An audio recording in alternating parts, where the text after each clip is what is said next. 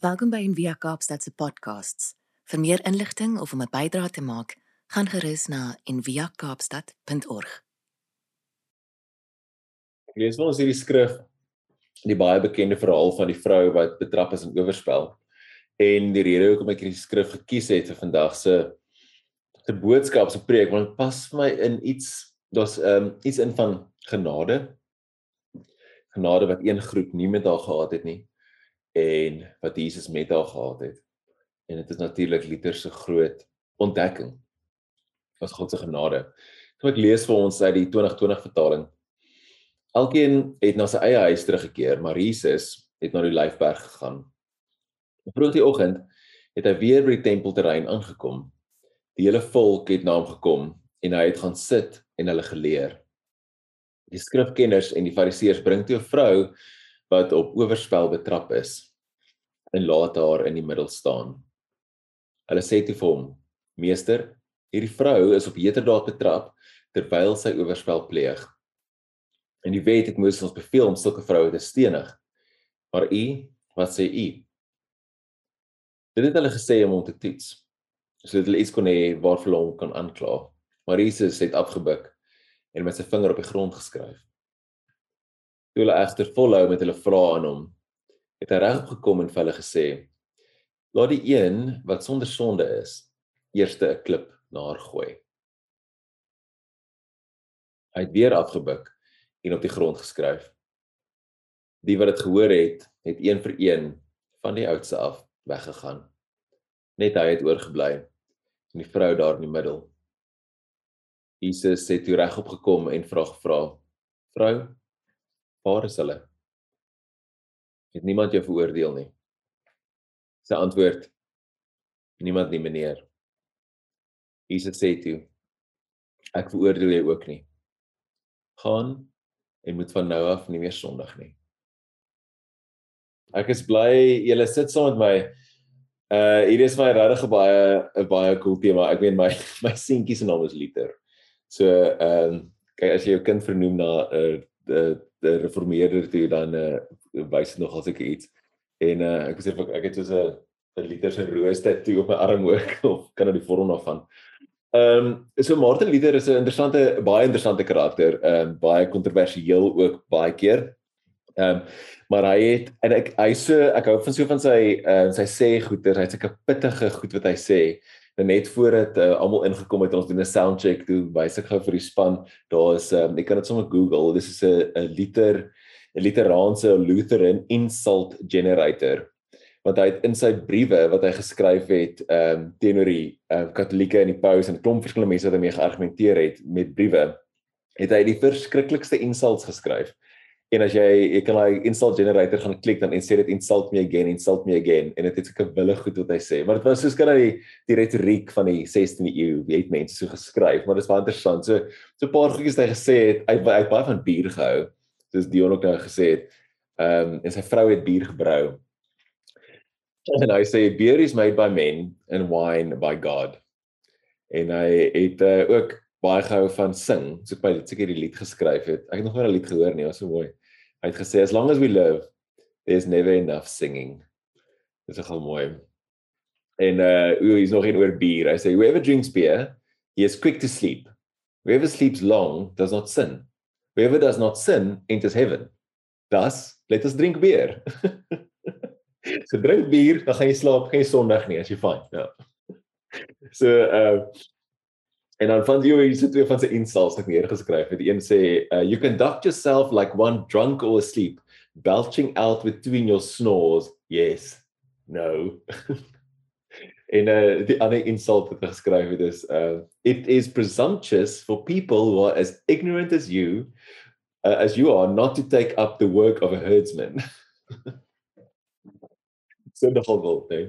En hy is ook baie, I mean hy's baie uitgehaal ook en sy is nie perfek gewees nie, inteendeel, soos enigiemand nie, maar weet hy baie was baie kan dit gekant teen die Jode ook en baie van sy skrywe sal van die mense gesê dis wat die uh weet Duitsland gebruik is deur die nasies en so ook baie keer verkeerdelik gebruik is ook baie gesê.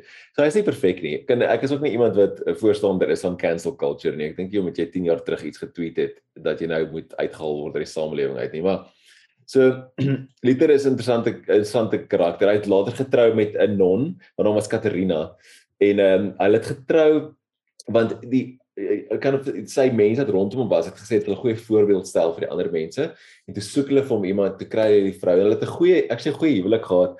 En sy was sy het nie van sy sy het nie sy nonsens gevat nie eintlik. Sy het bier gebrou terwyl hy en sy studente teologiese gesprekke gehou het daar in sy huis in Wittenberg en uh, ons was daar aan 'n enkele gewees 10 10 12 jaar terug en dan kan jy om die houttafel daar gaan staan waar hulle gesin kuier het en bier gedrink het en um, hy het vir Katarina my heer genoem my lord en sy het gedink hy's 'n massive groot slob.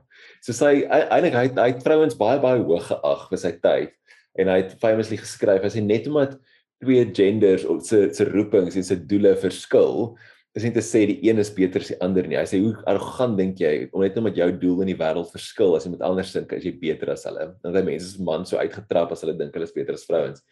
So um and I ook gesê one learns more of Christ in being married and rearing children than in several lifetimes spent in study and in a monastery. so in 'n geval net so 'n bietjie van Luther se storie om agtergrond te gee oor wie hy is. So in die 15de eeu het was dit baie duidelik dat die kerk het reformatie nodig gehad. Daar was 'n klomp goeters fout. Die kerk was diep verdeel. Daar was 3 pouse actually op 'n stadium gewees, 3 verskillendes en hulle almal met en daar was 'n diep politieke politieke verskil en verdeling in die hele Europa ook gewees. So dit was al hierdie goed wat so saam gekom het om hierdie reformatie eintlik te veroorsaak. En van die pouse uh Paus Leo die 10de het meer belang gestel in die in die Renessans as in die kruis en in die glorie van antieke Rome. So hy wou heeltyd net Rome herstel dat dit weer was soos dit was in die antieke tyd of en beter en 'n um, groot kathedrale te bou soos Sint Petrus en ek as jy in Rome was al in die Vatikaan met Sint Petrus ingeloop. Sint Petrus speel eintlik 'n rol binne in hierdie hele storie. En dan saam met dit het die armes gevoel die kerk stel nie meer belang in hulle nie. Kyk in daai tyd was ons nou nie middelklas of jy kon nie regtig daar was baie armes en baie min rykes en die kerk was baie ryk geweest en het gevoel vir hulle hulle stel nie meer belang nie. En op dieselfde tyd was daar hierdie die feudal stelsel in Europa wat besig was besig om uitmekaar uit te val en in monargie te verander. So daar was groot rede vir mense om nie meer noodwendig die kerk wat so magtig polities was te ondersteun nie. So al hierdie goed het so 'n perfekte storm gevorm en saamgekom in hierdie ding om hierdie ding te laat gebeur. En ehm um, Luther het so in die middelpunt van hierdie gestaan. So hy word beskryf deur party mense as die die ogre. Weet nie wat was goeie Afrikaans, die troll seker, ogre wat die kerk vernietig het of die wilde vark, die een ou skryf hy sê wilde vark wat God se wingerd vertrap het of die uh, rebelse monnik. En aan die ander kant uit 'n protestantse oogpunt was hy die groot held van geloof, die kampioen van Bybelse waarheid, die hierdie die die gereformeerde hervormer. So hy is so kort voor die 1500s gebore en nie en hierdie is baie key tot sy storie en ek het glad nie gelukkige kinderdae gehad nie.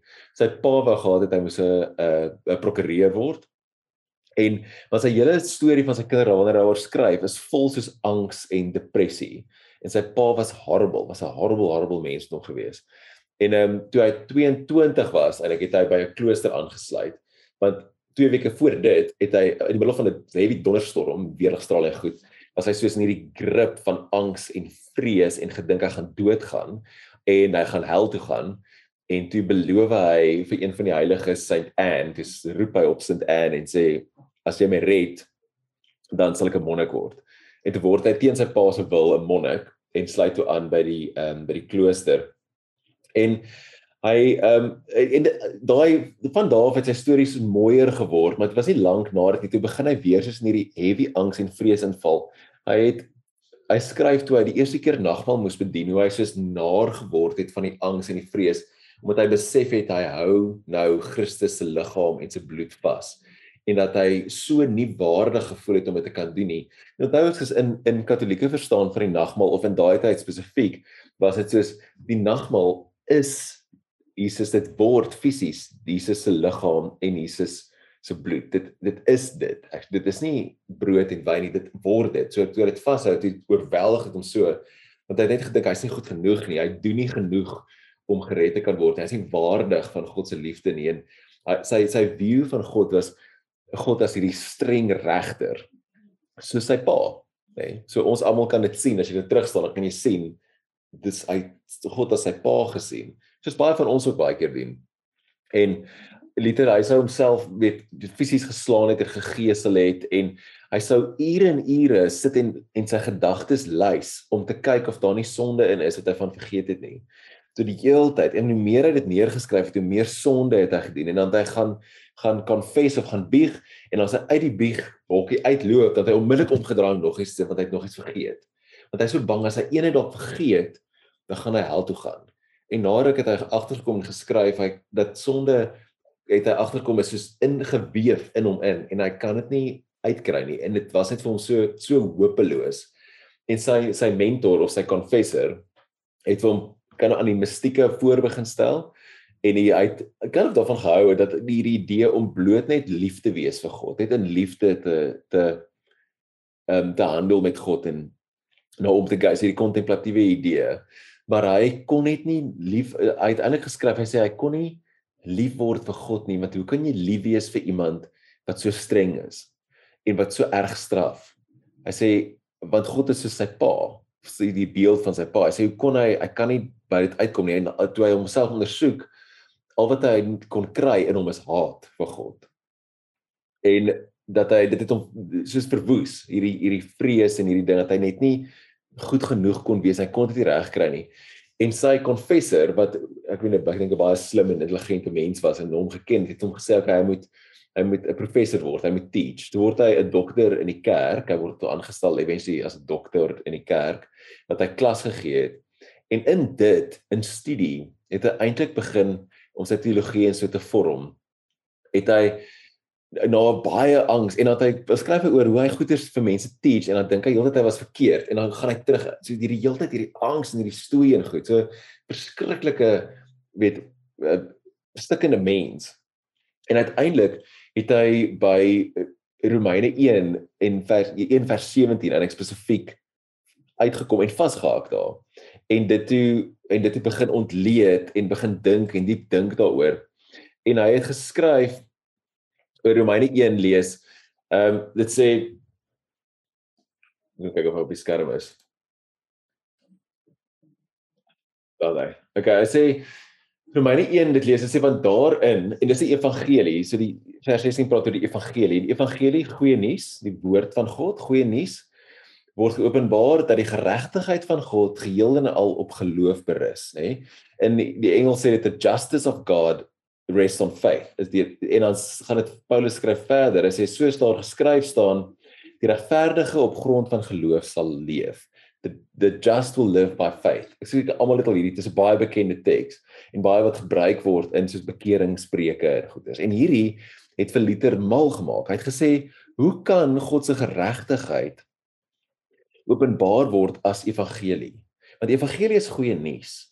Maar geregtigheid en justice was vir hom hierdie streng regter wat boekhou van alles wat jy verkeerd doen en elke lief dingetjie jy moet alles reg doen en dit het hom mal gemaak. Hoe hier is hierdie paradoks vir en vir hom was dit soos hierdie is nie goeie nuus nie dat die evangelie is dat God justice en hy sê uiteindelik na soos baie dink en baie bepeinsing en lank het Luther besef dat die God se geregtigheid nie gaan oor oor die straf van sondaars nie maar oor God se eie geregtigheid. En ek het dit al baie gesê as ek preek ook. Jy sal hoor ek sê God se geregtigheid gaan oor die belofte wat God aan homself gemaak het dat hy sy mense oor mekaar sal kry dat hy dit sal doen hè. Maar hierdie idee was foreign. Daar was nie so konsep nie in die kerk op baie staan nie nie, nie in liter se spiritualiteit nie.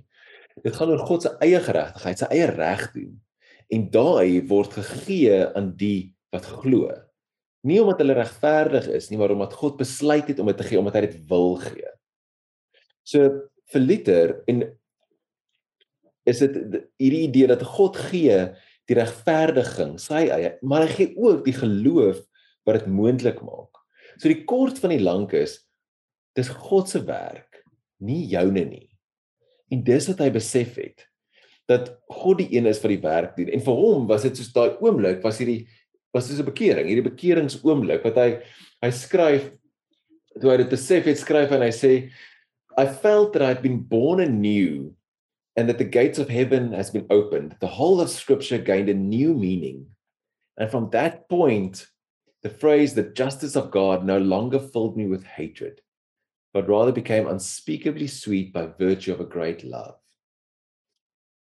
So daai daai was sy sy groot sy groot besef. En dis my so interessant ek meen by Envia omdat ons kontemplatiewe gemeenskap is het ons baie fokus op katolieke spiritualiteit en ortodokse spiritualiteit en stilte en daai goeders. En ons praat nie baie oor mense na die tyd nie. Maar hierdie idee is so deel van ons almal se praat en se wees dat ons besef nie eintlik altyd eers waarvan dit vandaan kom nie. En dis kom ek vandag weet gedink het kom ons praat dis hier, dis waar dit gebeur het 500 jaar terug en hierdie op hierdie dag in die jaar herdenk die kerk ook daai dag, die protestantse kerk. En in daai die reformatie het ook die katolieke kerk verander. So dit het nie net die een deel en hierdie deeltjie afgebreek en toe word nou hierdie nuwe ding nie. Dit is ook dit het beide kante gereformeer en die katolieke kerk het ook baie verander in 500 jaar. So maar wat interessant is, is dis nie hierdie lering eintlik van hom. Hy het daar begin skryf en uh, weet teses het daar gepublish en ook daar teen die kerk se deur gaan vassit wat soos 'n bulletin board was is al baie mense sê of ander mense sê dit het nie regtig gebeur nie, hy het maar net geskryf. Maar hierdie uh, dit was nie hierdie hierdie ding het hy ook oor geskryf en dit het nie moeilikheid veroorsaak nie. Hy begin die mense in die universiteit waar hy klas gegee het begin oortuig en almal het dit begin leef en begin insien en dit was 'n serieuse lewing maar die een skrywer sê die kerk het dit gesien en het eintlik gegaap daaroor. Hulle was soos okay, dit wat is dit is nou eintlik niks nie. Maar die plek waar die moeilikheid nou eintlik begin het, hè, ek sê altyd, weet as iemand wil seermaak, dan sat jy hulle in hulle beursie. En dit is soos toe hy die kerk aanvat oor hoe hulle geld ingesamel het, indulgences was die ding. So die kerk het indulgences verkoop, soos 'n papiertjie en dan koop jy dit en dan dan word jou sondes vergewe. En toe het die kerk ook gesê, maar jy kan dit koop vir mense wat reeds dood is.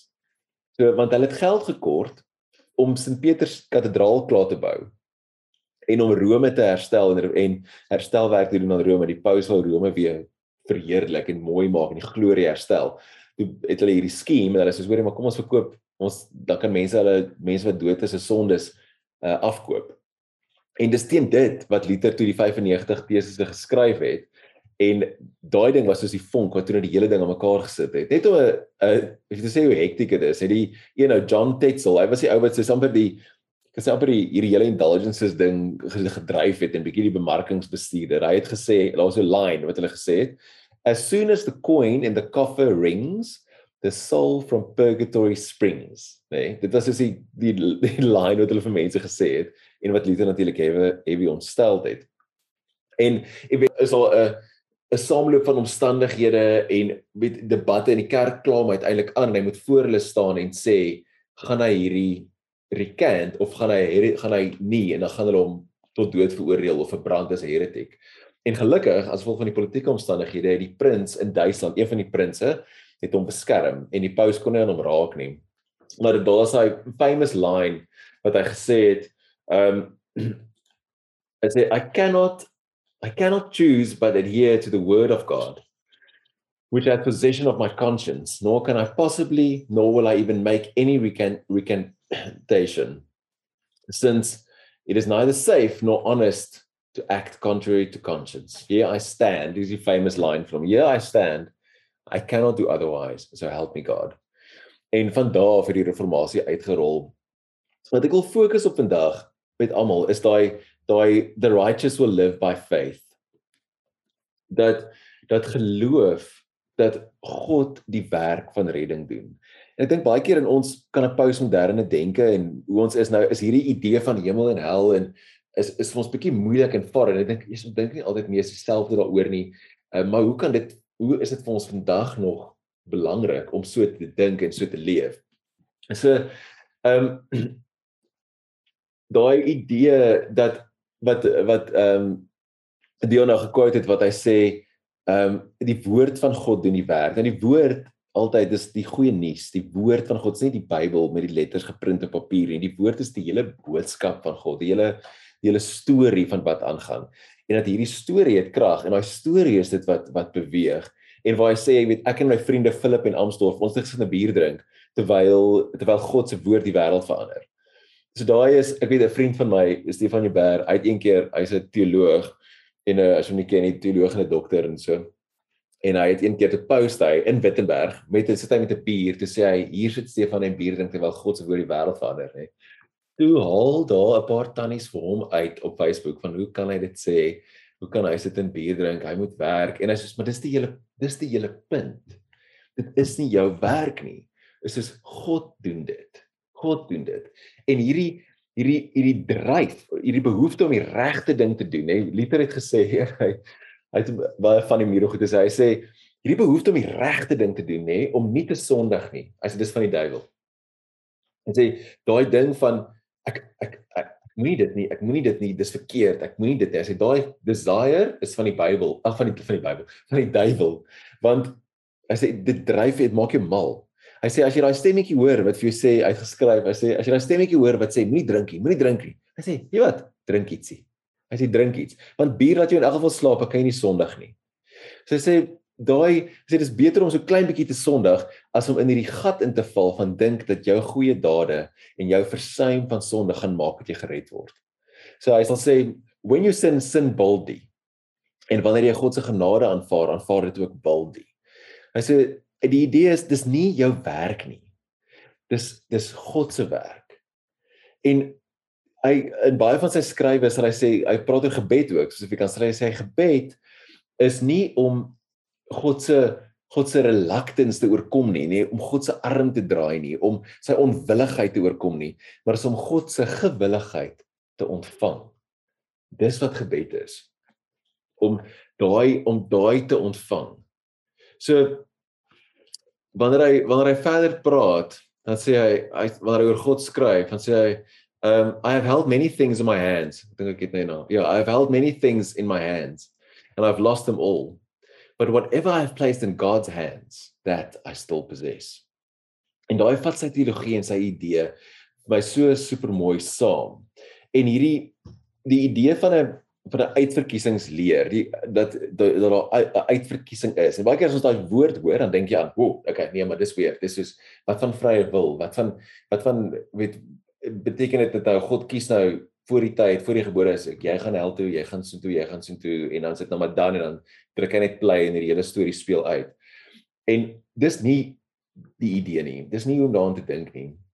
Uitverkiesingsleer is 'n genade. Dis soos hierdie uitasem om te sê dis nie my dis nie my keuse nie. I mean Henry Nouwen wat ek paar weke terug oor gepraat het, 'n Katoliek by the way, praat oor hierdie idee van gekosenheid, chosen, geneem, gekies as beminde, as geliefde en hoe jy dit moet eien. En dis baie dieselfde as Luther. Wat hy sê, jy is jy is uit dis nie jou werk nie. Dis nie jou werk nie. En dan hy sal verder skryf So many have taken the Christian faith to be a simple and easy matter and have even numbered it among the virtues. And this is because they have not really experienced it, nor have they tested the great strength of faith. En hierdie geloof wat hy ook sê God gee dit vir jou. Maar hierdie geloof is daai besef van ek is okay. Weer is daai is daai uitasem en kan net kan ontspan en dink ek hoef nie al hierdie hierdie goed te doen nie om net okay te wees nie. Never mind, as jy net hemel en hel kan uit die prentjie uithaal.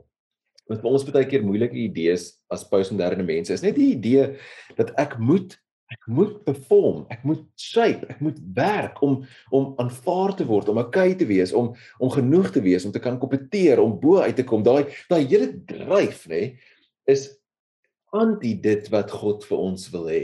Daai wanneer ons sit is net vir 'n oomblik dink oor jou eie lewe, hierdie stoei om te probeer groei, om te wen, om te probeer self heel word, om hierdie hierdie werk wat jy dink gedoen moet word, daai die angs en daai goed wat saam met dit gaan.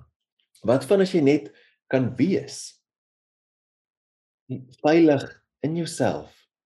Selfvertroue het in jou eie veiligheid en jou eie gereddenheid, jou, jou eie hoe hoe sê jy dan leef? Dink jy daai idee van as ek vir jou sê jy's okay, jy's 100% okay want God doen die werk. Hy doen dit in jou en hy doen dit buite jou. Jy's okay. Hoe sal jy dan leef? Jy het niemand om te beïndruk nie. Jy het niemand om mee te kompeteer nie. Jy het niemand om te probeer oortuig dat jy goed is en oulik is en alles nie. Selfs nie eens God nie. En dis nie omdat jy oulik is nie. Dis omdat God die werk doen in jou. Luther skryf en sê the sin the sin underneath all of our sins is to trust the lie of the serpent that we cannot trust the love and grace of Christ and must take matters into our own hands. Nou, dis so huge op soveel op so baie vlakke in ons lewe. In 'n religieuse manier van hemel en hel dalk ook maar op 'n baie diep persoonlike dag tot dag manier. Daai idee dat jy moet perform, perform, perform, perform. Dit sê dis die dis leen. Dis leen.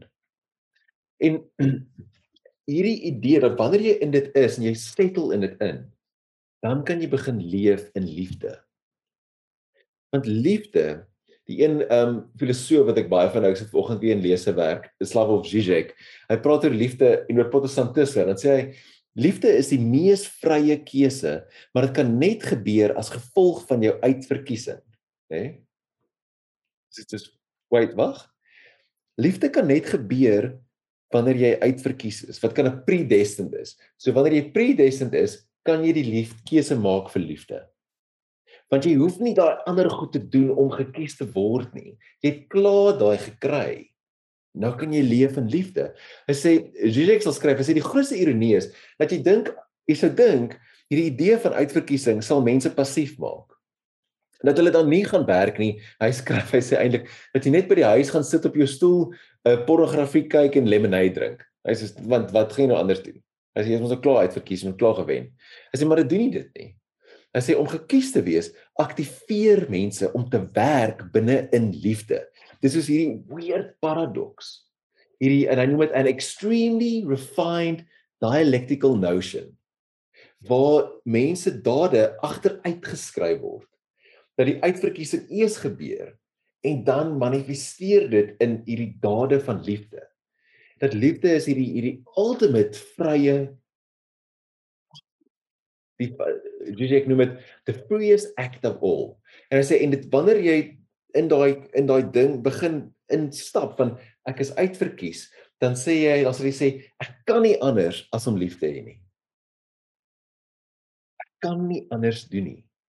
En dis wat liter op begin raakslaan het en wat ons soveel van ons leef, ons leef dit nie voluit nie. Ons dink altyd nog ietsie, nog ietsie doen, nog ietsie doen dat ek dat ek net nog meer gesonder word nog meer nog weet heilig word my heiligheid heeltemal besef en dieter is soos nee. Jy is te gelyk regverdig en sondig. Ek het 'n paar maande terug daaroor gepreek oor simul justus et peccator, hè, daai saint and sinner at the same time. Luther skryf en sê uh, wanneer hy praat oor liefde en dade, ek glo hierdie is so mooi. Hy sê God doesn't need your good works, but your neighbor does. God het nie jou goeie werk nodig nie, maar jou bure, hulle het dit nodig. And I say the Christian shoemaker does his duty not by putting little crosses on shoes, but by making good shoes. Because God is interested in good craftsmanship. Hierdie uitvloeisel van liefde omdat jy verstaan God se genade is vir jou genoeg.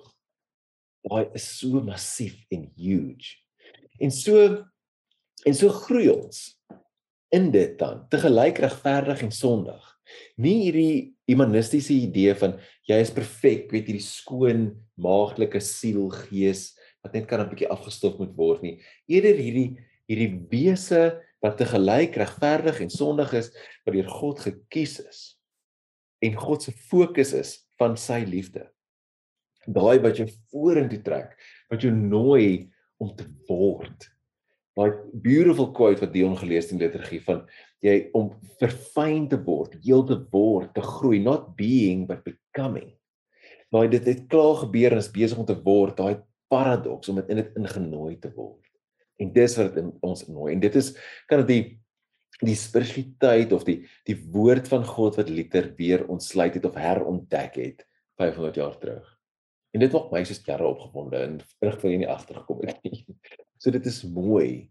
En as die les wat ek vir almal altyd wil vertel is God het jou gekies, nes jy is en hy nooi jou om te word wie jy kan word, wat jy kan wees. Dis goeie nuus dat God die werk doen, nie jy nie. God doen dit in jou. Al wat jy hoef te doen is net daar te wees. Op die dag te sê hier is ek. Nes ek is. En nee nie. Hier is ek. Ek wil jou nooi om saam met my nagmaal te gebruik en dit is so vir my so mooi en simbolies as nagmaal gebruik. Die einste nagmaal wat Luther so angsbevange gemaak het. Wat gesê het dat hy gevoel het hy is nie waardig genoeg om die liggaam van God vas te hou nie om dit te gebruik nie. En ek wil nooi om dit my te gebruik, nes jy is te gelyk regverdig en sondig. Uitverkies. Deel van God se familie. So ons neem die brood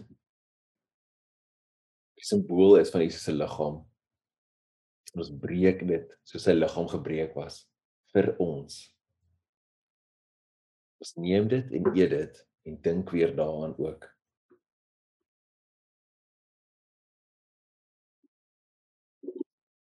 Ons neem die wyn. Jesus se bloed wat uitgegiet is vir ons vir ons sodat ons God ook kan ken.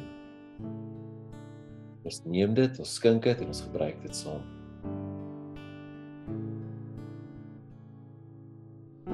Gracious Father, we give you praise and thanks for this holy